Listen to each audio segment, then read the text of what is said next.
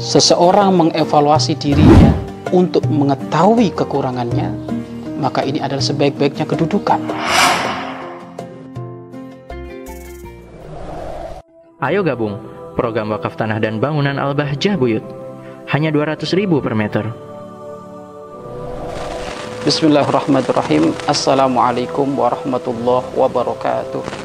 Alhamdulillah wassalatu wassalamu ala rasulillah habibina wa syafi'ina wa qurrati a'yunina wa maulana Muhammad sallallahu alaihi wasallam wa ala alihi wa ashabihi wa tabi'ina lahum bi ihsanin ila yaumiddin amma ba'd. Pemirsa yang dimuliakan oleh Allah Subhanahu wa taala, sahabat-sahabat fillah. Alhamdulillah saat ini kita berjumpa lagi dalam program Untian Hikmah Penyejuk Jiwa sebagai bekal kita menuju kepada Allah Subhanahu wa taala. catatan yang pernah kami tulis dalam sebuah catatan kecil yang isinya adalah masa di mana engkau wajib membela. Termasuk akhlak yang baik adalah di saat engkau didolimi atau diganggu, engkau tidak membalas perlakuan orang yang dolim terhadap dirimu. Namun, jika Allah, Nabi Muhammad, syariat, gurumu, orang tuamu, ataupun sahabatmu dinodai, didolimi, maka wajib bagimu saat itu untuk membela. Sahabat-sahabat fillah yang dimuliakan oleh Allah Subhanahu wa taala. Urusan pribadi tentu akhlak yang mulia kita wajib mengalah. Dan ini adalah cermin akhlak baginda Nabi Muhammad SAW jika urusan pribadi beliau disakiti, beliau dilempar kotoran, diludain, beliau lebih banyak mengalah. Hampir tidak pernah diketemukan Nabi Muhammad marah untuk kepentingan pribadi, urusan pribadi beliau.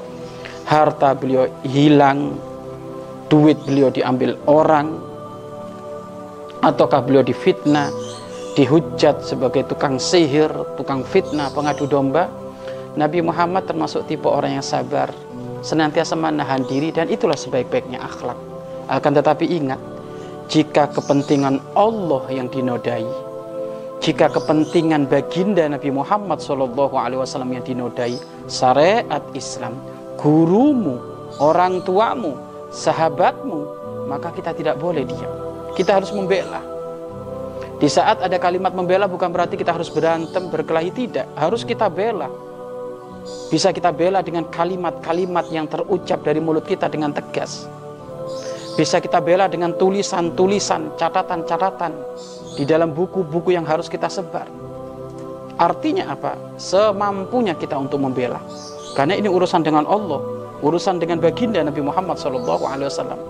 Karena disepakati oleh para ulama yang kurang ajar dengan Allah sampai derajat menodai, menghinakan, ia keluar dari wilayah keimanan yang kurang ajar dengan baginda Nabi Muhammad SAW sampai derajat merendahkan, meremehkan, ngejek baginda Nabi Muhammad bisa keluar dari wilayah keimanan. Disepakati oleh para ulama. Begitu juga yang merendahkan syariat Islam. Agama Allah direndahkan, Al-Quran direndahkan. Maka ini disepakati oleh para ulama akan mengeluarkan dia dari wilayah keimanan. Maka jangan diam di saat syariat kita diganggu Jangan diam Allah di saat diganggu. Jangan diam baginda Nabi Muhammad SAW diganggu. Walaupun Nabi Muhammad tidak butuh belaan kita. Allah Subhanahu wa taala tidak butuh belaan kita karena Allah Maha segala-galanya. Akan tetapi jadilah diri kita adalah nasrullah, penolong-penolong Allah. Kunu ansorullah. Jadilah kamu penolong-penolong Allah, bukan penolong pribadimu. Maka ada saatnya kita mengalah, ada saatnya kita membela. Kalau untuk untuk kepentingan pribadi jelas kita mengalah. Tapi kalau kepentingan Allah harus kita bangkit. Harus kita bangkit, dijelaskan, dijelentrehkan. Jika kau mampu ya rubah dengan tanganmu. Engkau yang punya kekuasaan, jika tidak mampu rubahlah dengan ucapan tutur katamu. Pun jika kamu tidak mampu, maka hendaknya kamu ingkar dengan hatimu, maka itu selemah-lemahnya iman. Pemirsa yang dimuliakan oleh Allah Subhanahu wa taala, hal ini sering dibolak-balikkan Hal ini sering dibolak-balikkan. Kalau kepentingan pribadi harus kita bangkit karena urusan diri kita. Tapi kalau kepentingan syariat itu kan urusannya dengan Allah, urusannya dengan Nabi Muhammad. Pembelanya sudah banyak. Loh ini ini kerdilnya iman orang seperti itu. Maka kapan ada syariat baginda Nabi Muhammad direndahkan, dihinakan, bangkitlah kamu untuk menjadi penolong-penolong Allah Subhanahu wa taala. Harus. Memang Allah tidak butuh penolong, tidak butuh pertolongan kita, akan tetapi kita menjadi barisan untuk membela syariat Islam itu penting. Apalagi zaman sekarang, zaman Masya Allah orang muda merendahkan. Syariat Islam cadar direndahkan. Apalagi kami dengar saat ini katanya ada film yang sebenarnya film ini memprovokasi antara NKRI dengan garis keras. Akan tetapi yang disayangkan garis kerasnya kok kenapa harus berlabelkan Islam. Sehingga ada adegan pertarungan antara perempuan-perempuan laki-laki dengan laki-laki yang perempuan pakai cadar sehingga cadarnya harus dilepas dengan dengan cara dilempar gitu dengan cara yang tidak tidak senonoh gitu apa maksudnya dibalik ini semuanya? Kalau engkau ingin menyelesaikan masalah, bijaklah engkau. Selesaikan masalah tanpa mengundang masalah. Kalau engkau menyelesaikan masalah kok mengundang masalah yang lain, kamu orang yang kerdil di dalam kecerdasan, bukan orang bijak kayak gitu. Apakah itu pakai imamah? Apakah itu pakai sarung? Apakah itu ke mana-mana membawa Al-Quran? Kalau menyelesaikan segala masalah umat, tapi kalau mengundang problema-problema yang lainnya, ini orang nggak bijak. Orang yang bijak itu adalah otaknya segudang ide untuk bisa bisa menjadikan damai di sana, untuk menjadikan bisa damai di situ, menjadikan damai ada di sini, itu adalah orang bijak. Dan itu adalah orang-orang yang sumber hatinya mengagungkan baginda Nabi Muhammad SAW. Bagaimana baginda Nabi Muhammad SAW suri dan yang menu yang mengutamakan kedamaian. Mengutamakan kedamaian itu bagaimana? Memenuhi hak-hak di dalam kita menghormat bermodel-model organisasi siapa pun. Itu hakikatnya perdamaian. Kalau engkau menyuarakan perdamaian, tapi engkau menodai organisasi yang di sana, menodai kelompok yang ada di sana, menodai warga yang ada di sana, menodai orang-orang suku yang ada di sana, maka itu bukan ngajak perdamaian, ngajak perang itu. Maka pemirsa yang dimuliakan oleh Allah Subhanahu wa taala, ayo ada saatnya memang kita membela ada saatnya kita membela, namun membela dengan semampunya kita. Bukan berarti kita membela angkat pedang gitu, tidak, semampunya kita. Mungkin pada waktunya, jika ada seruan jihad, ayo kita bangkit. Ada seruan jihad. Seruan jihad membela agama Allah ya, kita harus bangkit. Karena hidup ini kalau bukan untuk perjuangan, untuk apa? Ada saatnya, karena mau nggak mau kita di rumah pun akan mati. Kita jualan bakso pun akan mati. Kita kita kita di atas mimbar pun akan mati kita lagi naik motor pun akan mati. Kita lagi naik mobil pun akan mati. Di mana pun kita akan mati. Karena setiap insan itu akan dicari oleh malaikat malaikat pencabut nyawa. Loh kalau setiap waktu kita pun akan meninggal, lalu kenapa kita tidak mencari sebab-sebab meninggal dalam keadaan mulia? Maka ada saatnya kita membela. Orang tuamu jika di, dinodai, direndahkan, engkau sebagai seorang anak harus bangkit membela. Tidak terima. Kenapa? Orang tua yang kita muliakan, yang kita hormati, Bahkan ridhonya Allah terletak pada ridhonya orang tua. Sahabatmu, temanmu, maka termasuk sebuah pengkhianatan di dalam persahabatan. Jika sahabatnya dijelek-jelekin orang lain, dan sahabatnya mengetahui itulah kok tidak membela ini sahabat pengkhianat. Penjilat itu. Harusnya kalau engkau mengetahui bahwa sahabatmu tidak melakukan itu, harusnya kamu membela. Katakan dengan sejujurnya, tidak seperti itu sahabatku dia adalah orang soleh, dia orang baik. Apa yang kamu ucapkan justru jauh berbeda, berbalik 100 derajat Celcius dari apa akhlak itu sahabatku. Loh, harusnya seperti itu, bukan kita diam. Pemirsa yang dimuliakan oleh Allah Subhanahu wa taala. Oke, kalau urusan pribadi kita, mungkin keluarga kita diganggu, anak kita, kita bisa sabar. Rumah kita diganggu, boleh kita sabar.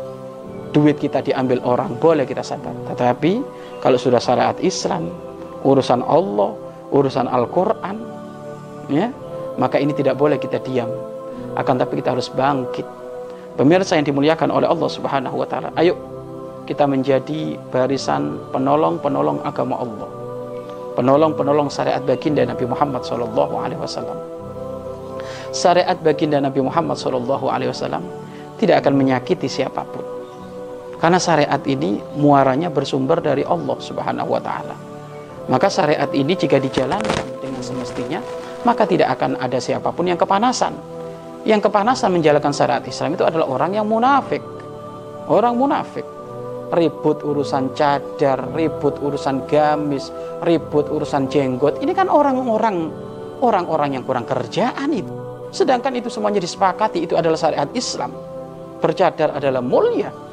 Walaupun tidak semuanya orang dikatakan bercadar gara-gara eh, dikatakan harus bercadar itu dianggap orang mulia. Urusan mulia adalah urusan takwa di hadapan Allah. Akan tetapi di saat ada orang memakai cadar, menutup aurat, memakai jilbab, memakai gamis, memakai kesunahan-kesunahan Nabi, ini sepakat ini syariat Islam. Ini syariat Islam. Maka nggak usah merendahkan hal itu. Kalau engkau merendahkan hal itu, itu menunjukkan kadar kualitas imanmu adalah lagi rendah, lagi turun. Maka orang yang ngerti bahwasanya dia merendahkan syariat Islam, maka kita harus bangkit. Jangan pernah engkau membatasi sunnah-sunnah Nabi, syariat baginda Nabi Muhammad hanya teruntuk orang-orang yang hebat. Orang-orang yang kelas tinggi, enggak. Syariatnya Nabi Muhammad hendaknya di diamalkan oleh pemuluknya, apakah itu kiai, apakah itu ustadz, apakah itu orang awam, apakah itu pejabat, semuanya harus melalui syariat baginda Nabi Muhammad. Syariat ini adalah agung. Allah menganggap agung syariat, baginda Nabi Muhammad menganggap menganggap agung syariat, lalu kenapa kita menganggap remeh? Dia meremehkan syariat, urusannya dengan Allah dan baginda Nabi Muhammad. Hati-hati. Syariat ini adalah syiar. Syiar kemuliaan Islam. Jangan diganggu gugat kalau sudah berani mengganggu ini, akan muncul pembela-pembela Islam. Akan muncul mujahid-mujahid, pejuang-pejuang Islam. Maka jangan macam-macam untuk menodai syariat Islam. Insya Allah tidak akan ada orang yang menodai syariat Islam. Itu hanya orang pihak-pihak ketiga yang memang ada hatinya adalah hati yang hati yang kacau, hati yang amburadul. Orang-orang yang tidak bertanggung jawab mengatasnamakan itu semuanya. Akan tetapi, apa yang kami sampaikan saat ini adalah Wahai orang Islam, semuanya perindu-perindu Allah, ada saatnya kita membela. Bukan diam saja. Ada saatnya kita membela apa? Bukan kepentingan pribadi kita, tapi kepentingan Allah, kepentingan Nabi Muhammad, syariat Islam, Al-Qur'an. Maka hendaknya kita bangkit. Guru kita hendaknya kita bangkit. Orang tua kita hendaknya kita bangkit. Sahabat-sahabat kita hendaknya kita bangkit. Maka itu adalah masa di dalam kita membela yang benar yang sesungguhnya dan ini semuanya akan diridhoi oleh Allah Subhanahu wa taala. Wallahu a'lam bissawab. Mari berinfak untuk operasional lembaga pengembangan dakwah Bahjah Buyut.